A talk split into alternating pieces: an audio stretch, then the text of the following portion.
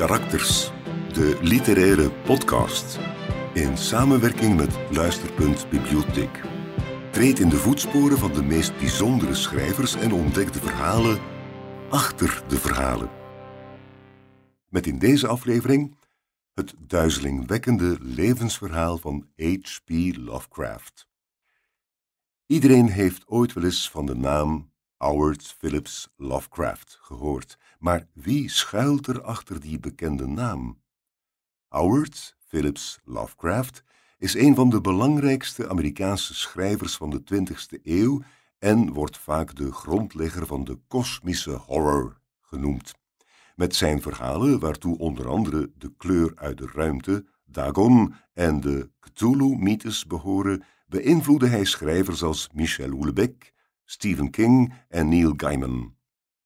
Ook werden zijn verhalen als inspiratiebron gebruikt door de makers van de populaire Netflix-serie Stranger Things en filmregisseurs als John Carpenter en Guillermo del Toro.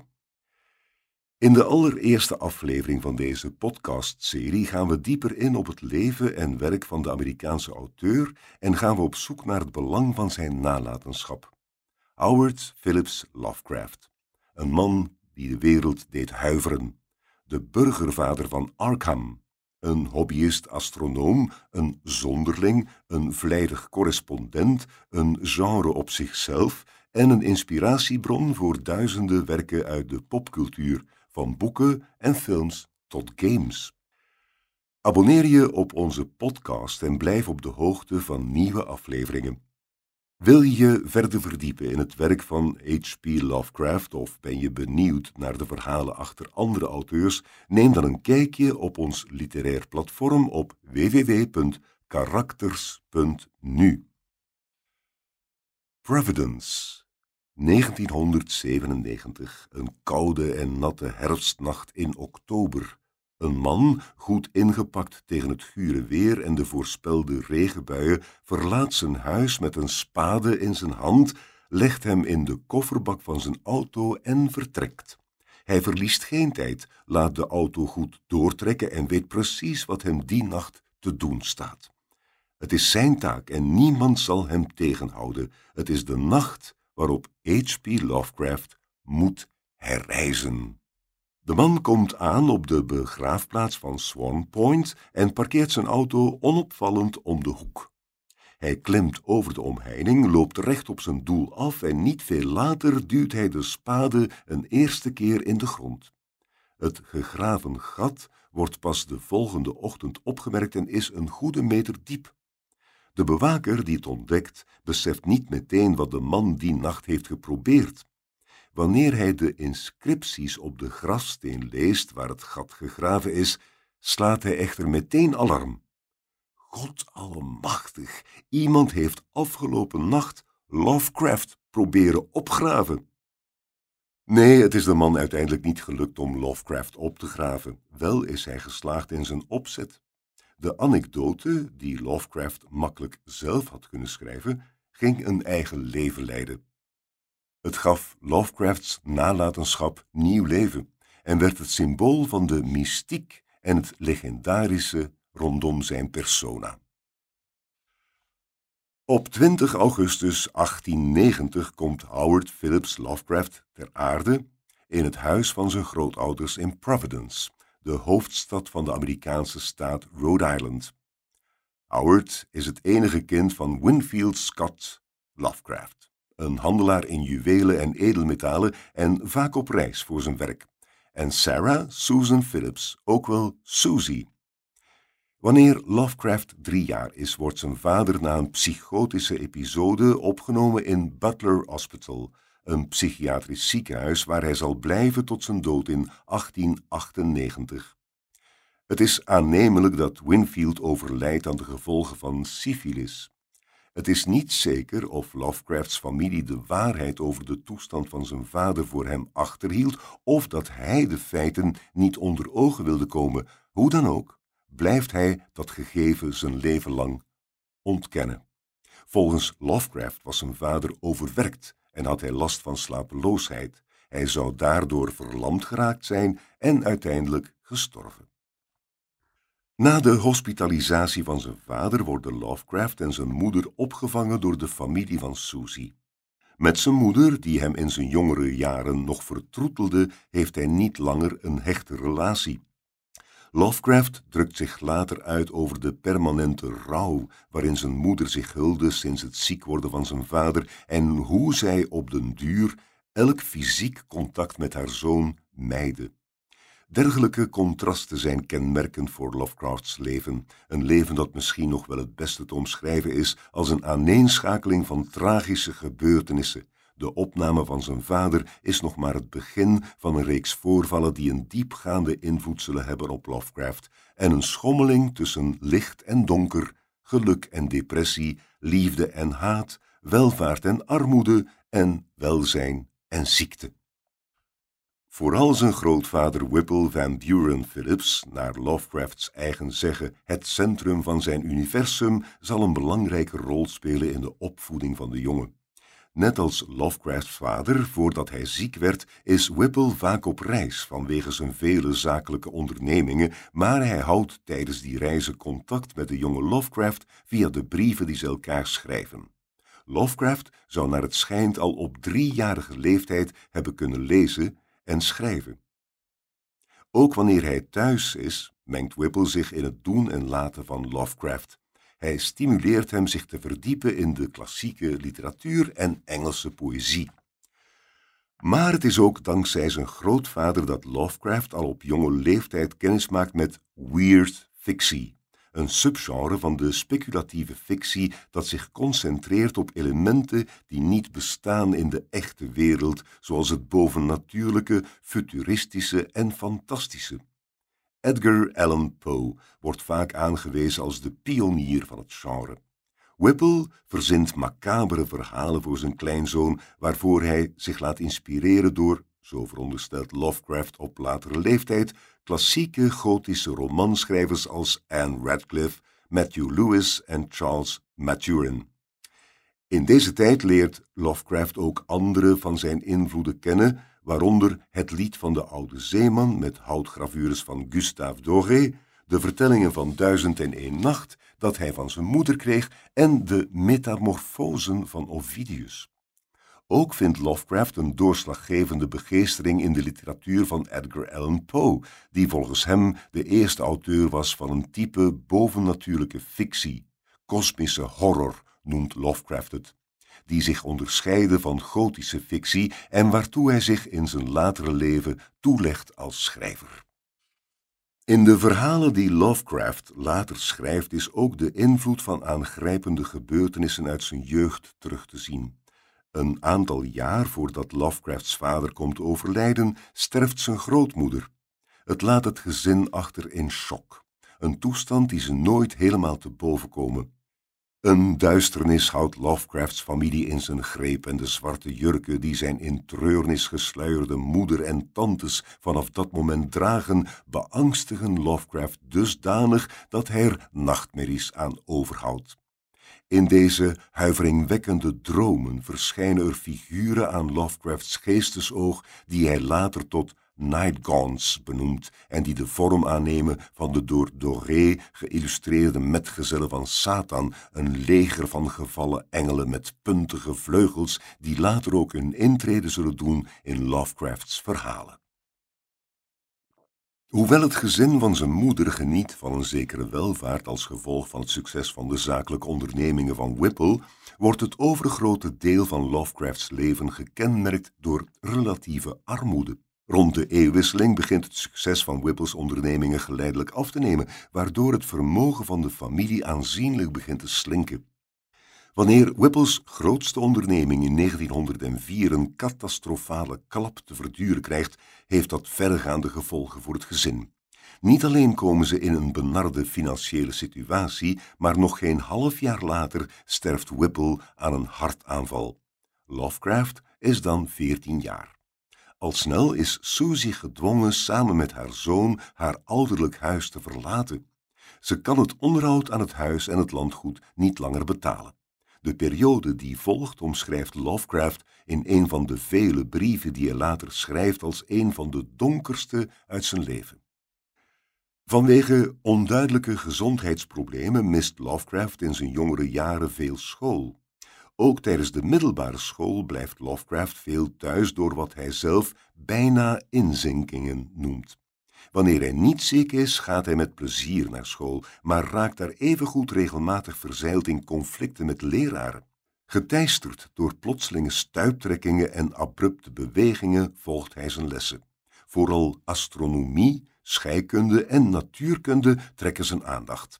Zijn interesse in deze wetenschappen zullen later in zijn verhalen een centrale rol spelen met een nadruk op de snelle vooruitgang en de gruwelijkheden die dat voor de mensheid tot gevolg kan hebben. Tegenover zijn klasgenoten is hij erg gesloten. Enkel diegenen die Lovecrafts interesses delen, behoren tot zijn zeer kleine groep vrienden. In 1908, het jaar voordat hij zijn diploma zal halen, krijgt hij tenslotte, als gevolg van regelmatige zware hoofdpijn, slapeloosheid en concentratieproblemen, een echte zenuwinzinking. Lovecraft heeft het plan zijn opleiding voor te zetten op Brown University, maar gaat na zijn instorting niet meer terug naar school. In de daaropvolgende jaren leidden Susie en haar zoon een teruggetrokken leven terwijl hun financiële situatie aanhoudend verslechtert. Lovecraft verdraagt bijna geen enkel contact met de buitenwereld. Hij zit veel in zijn kamer, waar hij de gordijnen gesloten houdt. De buren zien ook Susie weinig het huis verlaten. Er ontwikkelt zich een haat-liefde verhouding tussen de twee. Zo herinneren kennissen van Lovecraft zich de moederlijke bezorgdheid van Susie ten aanzien van haar zoon en vertelt een buurvrouw later in een interview dat de twee vaak midden in de nacht Shakespeare aan elkaar opdroegen. Die buurvrouw herinnert zich echter ook een gesprek met Susie waarover ze zei Mrs. Lovecraft talked continuously of her unfortunate son who was so hideous that he hid from everyone and did not like to walk upon the streets where people could gaze at him. Na zijn overlijden schrijft Lovecrafts vrouw in een brief H.P. used to speak of his mother as a touch me not, and once, but only once, he confessed to me that his mother's attitude toward him was devastating. Lovecraft pakt in deze donkere jaren het maken van wetenschappelijke periodieken zoals hij in zijn jeugd al deed terug op en legt zich toe op een autodidactische studie organische chemie, maar van de bijbehorende wiskunde krijgt hij ondraaglijke hoofdpijn. Daarnaast schrijft hij poëzie, maar vooral ook brieven. Deze brieven, veelal gericht aan de redacteuren van pulp en weird fiction tijdschriften, worden vanaf 1911 steeds vaker in diezelfde tijdschriften gepubliceerd. Wanneer Lovecraft, inmiddels 24 jaar oud, in een van zijn brieven die verschijnt in het tijdschrift Argosy, kritiek uit op de verhalen van Fred Jackson, volgt een bijna jaarlange publieke correspondentie tussen de twee, die door de lezers van het tijdschrift op de voet gevolgd worden. Ook leidt het tot zijn intrede bij de United Amateur Press Association, UAPA, een confederatie van kleine amateuruitgevers in 1914. Als voorzitter van het Department of Public Criticism uit hij zijn kritiek op de teloorgang van het Engels. Andere leden van de UAPA wijst hij openlijk op de Amerikanisering van hun taalgebruik en het toepassen van slang. Zijn kritische houding valt logischerwijze niet bij alle leden in goede aarde, desalniettemin krijgt Lovecraft ook veel bijstand. Zijn lidmaatschap van de UAPA betekent voor Lovecraft dan ook het aanbreken van een periode die minder donker van aard is. Wellicht is het zelfs een redding geweest, want later schrijft hij In 1914, when the kindly hand of amateurdom was first extended to me, I was as close to the state of vegetation as any animal well can be. With the advent of the United Amateur Press Association, I obtained a renewal to life, a renewed sense of existence as other than a superfluous weight, and found a sphere in which I could feel that my efforts were not wholly futile. For the first time, I could imagine that my clumsy, gropings after art were a little more than faint cries lost in the unlistening world. Ook wordt hij aangemoedigd om het schrijven van fictie terug op te pakken. Dat hij naast poëzie ook verhalen schreef, moet iets geweest zijn waar hij met anderen over sprak, maar wat hij sinds een zenuwinzinking op de middelbare school niet meer gedaan had. En met succes, want in 1916 verschijnt er voor het eerst een van zijn kortverhalen, The Alchemist.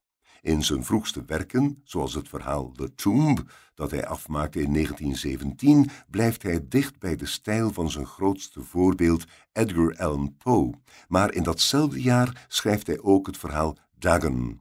Dat verhaal markeert een kantelpunt in zijn oeuvre, want voor het eerst introduceert hij de thema's en concepten waar zijn verhalen later bekend om zullen staan. In datzelfde jaar wordt Lovecraft benoemd tot bestuursvoorzitter van de UAPA. Het is nog altijd 1917. De Eerste Wereldoorlog is inmiddels uitgebroken als H.P. Lovecraft zich aanmeldt voor het leger. Hoewel hij slaagt voor het fysieke examen, dreigt zijn moeder een boekje open te doen over Lovecrafts mentale gesteldheid, die hem bijzonder ongeschikt maakt voor de oorlog, maar ook zijzelf verkeert mentaal in een slechte staat. De eerder genoemde buurvrouw vertelt over die periode dat Susie denkt bizarre wezens te zien en soms niet goed weet waar ze precies is. In het voorjaar van 1919 wordt Susie opgenomen in hetzelfde psychiatrisch ziekenhuis waar Lovecrafts vader de laatste jaren van zijn leven doorbracht. Ook Susie zal de inrichting niet meer verlaten. Aan een bevriende dichter schrijft Lovecraft naar aanleiding daarvan dat het bestaan van weinig waarde is en dat hij wenst dat het zou kunnen eindigen. Desondanks weet Lovecraft een sprankeltje licht vast te houden en breekt hij uit zijn sociale isolement. Naar het schijnt reist hij in deze periode regelmatig om kennissen verspreid over New England op te zoeken. Hij gaat dus vaker buitenshuis en woont met vrienden ook amateurschrijversbijeenkomsten bij. Tijdens een van deze samenkomsten in 1920 maakte hij kennis met Frank Belknap Long. Er volgt een zeer hechte vriendschap die van grote invloed zal zijn op Lovecraft. Lovecraft correspondeert in zijn leven met een groot aantal mensen, sommige ontmoet hij nooit in levende lijven, en hij laat na zijn dood een ongelooflijk aantal brieven na. Van de naar schatting honderdduizend brieven die hij schreef, is zeker een vijfde bewaard gebleven. Daarnaast verzamelt hij ook andere jonge schrijvers om zich heen in een groep die de Lovecraft Circle genoemd wordt. Een van hen was Robert Bloch, de schrijver van het door Hitchcock succesvol verfilmde Psycho, en Robert E. Howard, de schepper van het personage Conan the Barbarian, later vertolkt door Arnold Schwarzenegger in de gelijknamige film die voor hem zijn doorbraak betekende. Later in 1920 schrijft Lovecraft de eerste van de verhalen die later tot de Cthulhu-mythologie gerekend worden. In 1921 komt Susie te overlijden als gevolg van een slecht verlopen operatie. Hoewel hij zijn vrienden blijft vergezellen naar schrijversconventies, laat de dood van zijn moeder een diepe wond achter. Opnieuw schrijft Lovecraft dat hij simpelweg niet inziet waarvoor hij nog in leven is een zwartgallige gedachte waar hij waarschijnlijk al vanaf jonge leeftijd mee rondloopt en die hij nooit van zich af zal kunnen schudden. In zijn ogen is het menselijk bestaan niets betekenend, een terugkerend thema in veel van Lovecrafts verhalen. H.P. Lovecraft ontmoet Sonja Green, een weduwe, tijdens een conventie kort na het overlijden van zijn moeder. Hoewel zijn tantes haar niet goedkeuren, treden ze in 1924 in het huwelijk. Green is dan 40 jaar, Lovecraft pas 33 en voor eens lijkt het lot hem werkelijk gunstig gezind. Hij verlaat Providence om in te trekken bij zijn vrouw in New York. Green ontfermt zich over Lovecraft ondanks zijn eigenaardigheden, waarover ze zich uitlaat in haar autobiografie die merkwaardig genoeg de titel The Private Life of H.P. Lovecraft heet. Ze draagt dan inmiddels de naam Davis naar haar derde man, maar lijkt in haar huwelijk met Lovecraft zijn naam nooit aangenomen te hebben. Het moet een enigszins vreemde relatie geweest zijn. Lovecraft zou bijvoorbeeld nooit in woorden uitgedrukt hebben van zijn vrouw te houden, maar liefde moet er wel degelijk geweest zijn. Lovecraft drukt zich naar zijn vrienden en in zijn vele brieven regelmatig vijandig uit jegens immigranten en in het bijzonder Joden, terwijl ook Green immigrant is. In 1892 immigreert ze met haar moeder waarschijnlijk vanuit wat nu Oekraïne is, en haar familie is Joods. Green heeft een succesvolle hoedenwinkel aan Fifth Avenue, waarmee ze hen beiden kan onderhouden. Lovecraft komt door het koken van zijn vrouw behoorlijk aan, een schril contrast met de lichamelijke toestand waarin hij zijn laatste jaren slechts een decennium later doorbrengt. Lovecraft kan zich in deze tijd dus verder toeleggen op zijn schrijverschap dat zijn eerste vruchten begint af te werpen. Voor het eerst verschijnen er regelmatig verhalen van Lovecraft. Een behoorlijk aantal van zijn droomcyclusverhalen worden gepubliceerd in het tijdschrift Weird Tales. Deze verhalen, het gaat om een kleine dertig werken, waaronder Het Onzienbare, in het Engels is de titel From Beyond, spelen zich af in wat Lovecraft de Dreamlands noemt, een wereld die alleen via dromen betreden kan worden. Lovecraft weigert een positie als hoofdredacteur van de nieuwe bijlage van Weird Tales, waarvoor hij naar Chicago had moeten verhuizen, en zijn carrière lijkt in de kiem gesmoord. Lovecrafts verhalen vinden na de korte opleving van zijn schrijverscarrière opnieuw slechts zelden de weg naar publicatie. Naast zijn ervaringen als amateurjournalist en zijn schrijven heeft Lovecraft op 34-jarige leeftijd geen enkele werkervaring en vindt dus geen ander werk om hem en Sonja uit de financiële put te helpen. Het vonnis voor het huwelijk is daarmee ook getekend. Als Sonja het sanatorium mag verlaten, vertrekt ze zonder Lovecraft naar Cleveland voor werk. Lovecraft zoekt zijn toevlucht in een oncomfortabel appartement in het loesje Brooklyn. De twee leven nog jaren apart, totdat Sonja uiteindelijk de echtscheiding aanvraagt. Niet wetend dat Lovecraft de papieren nooit ondertekent, hertrouwt Sonja enige tijd later. In zijn eenzame appartement in Brooklyn raakt H.P. Lovecraft opnieuw verzeild in het donker.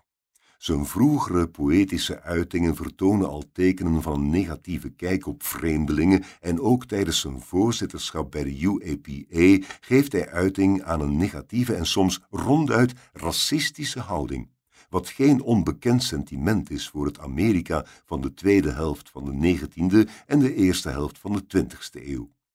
Zijn ervaringen in New York leidden echter tot Lovecrafts onverbiddelijke desillusie van de nieuwe wereld die de grootschalige immigrantenstroom met zich mee lijkt te nemen.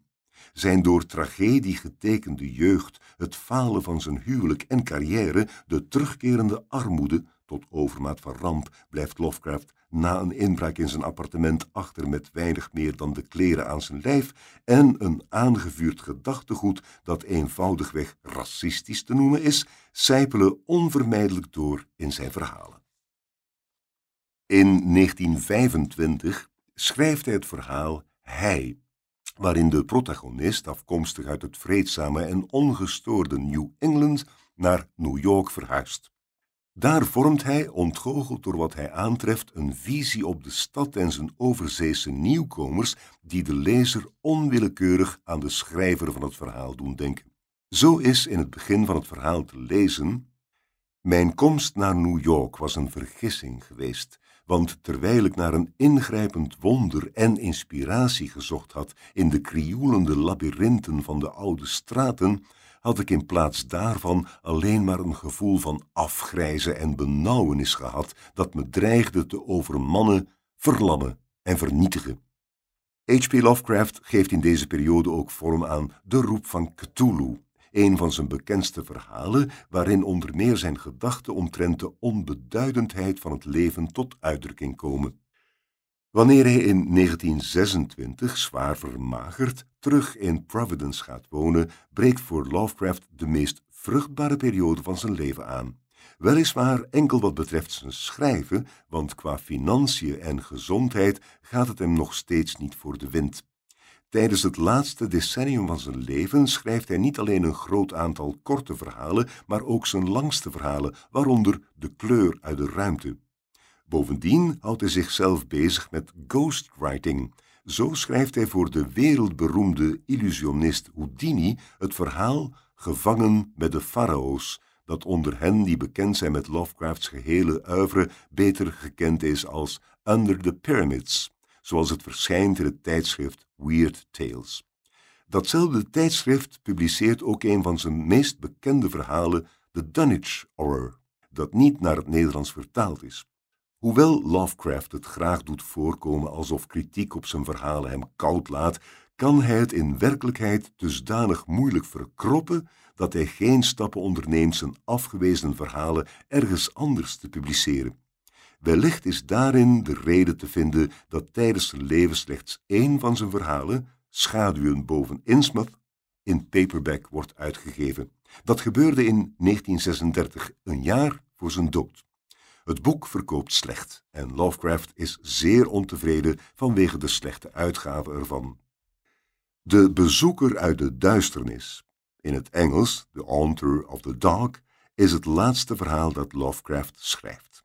Dit verhaal, ingeleid door enkele versregels uit het gedicht Nemesis dat Lovecraft zelf schreef in 1917, is het vervolg op een verhaal van Robert Blogg. Uiteindelijk schrijft Blogg na Lovecrafts dood een derde deel. De bezoeker uit de duisternis wordt tot de Cthulhu-mythologie gerekend en speelt zich af in Lovecrafts geboorteplaats Providence. Lovecraft verwijst in zijn verhaal bovendien naar Edgar Allan Poe's The Fall of the House of Usher, dat een ander licht doet schijnen op het lot van de protagonist. Het zal misschien zijn vanwege de gezondheidskwalen waar hij in zijn jongere jaren mee te kampen had, maar Lovecraft gaat niet graag naar de dokter. Als zijn gezondheid in 1937 snel achteruit gaat, de armoede waarin Lovecraft leeft, heeft waarschijnlijk een ondervoeding tot gevolg die bijdraagt aan zijn snelle aftakeling, bezoekt hij dan toch een arts en krijgt slechts een maand voordat hij zal sterven de diagnose kanker. Hij wordt onmiddellijk opgenomen in het ziekenhuis en houdt zolang hij kan een dagboek bij waarin hij zijn toestand beschrijft.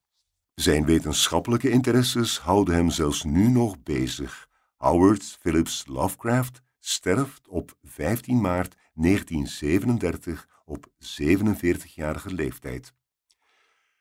Het soort verwijzingen en verweven elementen tussen verschillende verhalen, zoals die in De Bezoeker uit de Duisternis te ontdekken zijn, is Lovecrafts verdere oeuvre en dat van zijn tijdgenoten en vrienden niet vreemd. Zo moedigt Lovecraft schrijvers met wie hij correspondeert, waaronder de andere leden van de Lovecraft Circle, aan hun inspiratie te zoeken in zijn verhalen en staat hij hen toe gebruik te maken van sommige van de elementen uit zijn eigen verhalen, zoals de mysterieuze boeken met verontrustende titels, angstaanjagende onaardse wezens en plaatsnamen en instellingen als Arkham en Miskatonic University. Overigens helpen zijn vrienden van de Lovecraft Circle Lovecraft ook met het uitwerken van zijn ideeën en de onderlinge wisselwerking blijft actief na Lovecrafts overlijden. Lovecrafts verhalen worden daarnaast vaak in drie categorieën ingedeeld, waarvan de eerder genoemde droomcyclusverhalen en de Cthulhu-mythologie er twee zijn. De eerste categorie heeft de term macabere verhalen gekregen. H.P. Lovecraft zelf maakt geen gebruik van deze termen en brengt dan ook geen gelijksoortig onderscheid in zijn eigen verhalen aan. De termen werden pas later toegekend. Zoals de droomcyclusverhalen zich allemaal afspelen in The Dreamlands, zo spelen de verhalen binnen de Cthulhu-mythologie zich af binnen een fictief universum waarin een scala aan machtige goden centraal staat. Cthulhu is een van deze goden. De opzet van dit universum en al zijn elementen ligt voor een deel besloten in Lovecrafts verhalen, maar zijn tijdgenoten en latere generaties schrijvers geven tijdens en na zijn leven het universum mee vorm. De Engelse term Cthulhu Mythos is bedacht door August Derleth, onderdeel van de Lovecraft Circle en een van Lovecrafts protégés. Na Lovecrafts dood verzamelt hij samen met Donald Wandrey Lovecrafts ongepubliceerde verhalen, maar ze vinden geen enkele uitgeverij bereid om deze alsnog uit te geven. Uiteindelijk besluiten ze zelf deze en nog vele verhalen gebaseerd op losse fragmenten en notities die Lovecraft nanaat uit te geven. Ze noemen de uitgeverij Arkham House, naar een van Lovecrafts fictieve plaatsnamen. Het is mede dankzij de inspanning van Derleth en Wandray en ondanks de kritiek die vooral Derleth van latere Lovecraft-fans met terugwerkende kracht te verduren krijgt omdat hij Lovecrafts naam gebruikt zou hebben om zijn eigen werk aan de man te brengen, dat Lovecrafts verhalen de tand des tijds hebben doorstaan en, zij het pas na zijn dood, een echt publiek hebben gevonden. De uitgeverij Arkham House zorgt al kort na Lovecrafts dood voor de beschikbaarheid van zijn werk, maar het zal nog enige tijd duren voordat zijn verhalen buiten de doorgewinterde weird fictie en horror lezers een groter publiek zullen bereiken. Lovecrafts oeuvre wordt uiteindelijk opgepikt door de tegencultuur van de jaren 60, waarschijnlijk vanwege de verwrongen visie op de werkelijkheid die uit Lovecrafts verhalen naar voren komt, een element dat vooral door de psychedelische kant van de tegencultuur geëxploreerd wordt en waardoor onder meer ook de verhalen van William S. Burroughs, waarin een vergelijkbare vertekende werkelijkheid te lezen is, aan populariteit winnen onder aanhangers van de tegencultuur. Vanaf die periode lijkt Lovecrafts invloed grenzeloos te zijn. Zijn verhalen inspireerden schrijvers als Stephen King. In bijvoorbeeld Revival zou King op een vernieuwende wijze gebruik gemaakt hebben van de Cthulhu-mythologie. Neil Gaiman, Michel Houellebecq en Joyce Carol Oates, maar ook filmmakers als Guillermo del Toro en John Carpenter, om maar wat te noemen. Ook in de muziek klinkt zijn invloed door. Zo is het album Behind the Wall of Sleep van Black Sabbath naar een verhaal van Lovecraft genoemd. Intussen wordt Lovecraft gezien als een van de belangrijkste Amerikaanse schrijvers van de 20e eeuw. Lovecrafts invloed strekt zich dus uit tot buiten de literatuur. Zo werden er sinds eind vorige eeuw meerdere bordspellen gebaseerd op Lovecrafts verhalen, maar vooral de afgelopen jaren is dit exponentieel in aantal toegenomen. Met de opkomst van het digitale tijdperk heeft Lovecraft ook zijn intrede in de videogames gedaan. Lovecraftian is een genre waarbinnen de spellen zich baseren op Lovecrafts verhalen door middel van specifieke elementen of met hun typische sfeer en opzet die losjes geïnspireerd zijn op zijn oeuvre. In Sherlock Holmes, The Awakened bijvoorbeeld, gaat de welbekende detective de strijd aan met een donkere secte en het kwaad dat Sherlock gaandeweg steeds meer in zijn klauwen krijgt. Op het platform Steam zijn al zeker zo'n 70 games te vinden binnen het genre. Overigens zou Lovecraft zelf een hekel gehad hebben aan spellen. In verschillende van Lovecrafts verhalen wordt er gesproken van een magisch handboek van Arabische afkomst. Het fictieve boek Necronomicon zou geschreven zijn door Abdul al-Ghazret, een gestoorde dichter uit Jemen die omstreeks het jaar 700 in leven was. Lovecraft gebruikte de naam van de auteur als pseudoniem voor zichzelf. De inhoud van het door Lovecraft verzonnen boek zou zo gruwelijk zijn dat de lezer ervan zijn verstand verliest. Sommige Lovecraft-fans zijn ervan overtuigd dat het boek echt bestaat en het komt dus nog wel eens voor dat er in boekhandels of bibliotheken naar gevraagd wordt. Marvel Comics heeft de naam Abdul al-Hazret ook in het Marvel-universum geïntroduceerd als een van de vijanden van Wolverine. Ook voor hen die onbekend zijn met de verhalen van Lovecraft klinkt Arkham wellicht bekend in de oren, want in Batman worden de slechteringen opgesloten in Arkham Asylum. En stripfiguur Hellboy krijgt het meer dan eens aan de stok met monsters uit de Cthulhu-mythologie. In een aflevering van South Park komt Cthulhu bovendien ten tonele tijdens een concert van Justin Bieber en vermoordt hij de zanger op het podium. De verhalen van Lovecraft hebben ook tal van filmmakers geïnspireerd. Er zijn relatief zuivere verfilmingen zoals From Beyond en The Unnameable, maar dit jaar kwam er een nieuwe verfilming van De kleur uit de ruimte uit onder de titel Color Out of Space, met Nicolas Cage in de hoofdrol. Veel van de meer letterlijke filmvertalingen van Lovecrafts oeuvre zijn echter wat gedateerd, maar daarom misschien des te meer de moeite waard om te bekijken. Er zijn ook films waarin de auteur als personage is opgenomen en waar Lovecraft zelf wordt geteisterd door zijn existentiële horror, zoals in de films Necronomicon en In Search of Lovecraft. En dan zijn er nog de films en series die voornamelijk geïnspireerd zijn op de thema's die in het werk van Lovecraft centraal staan.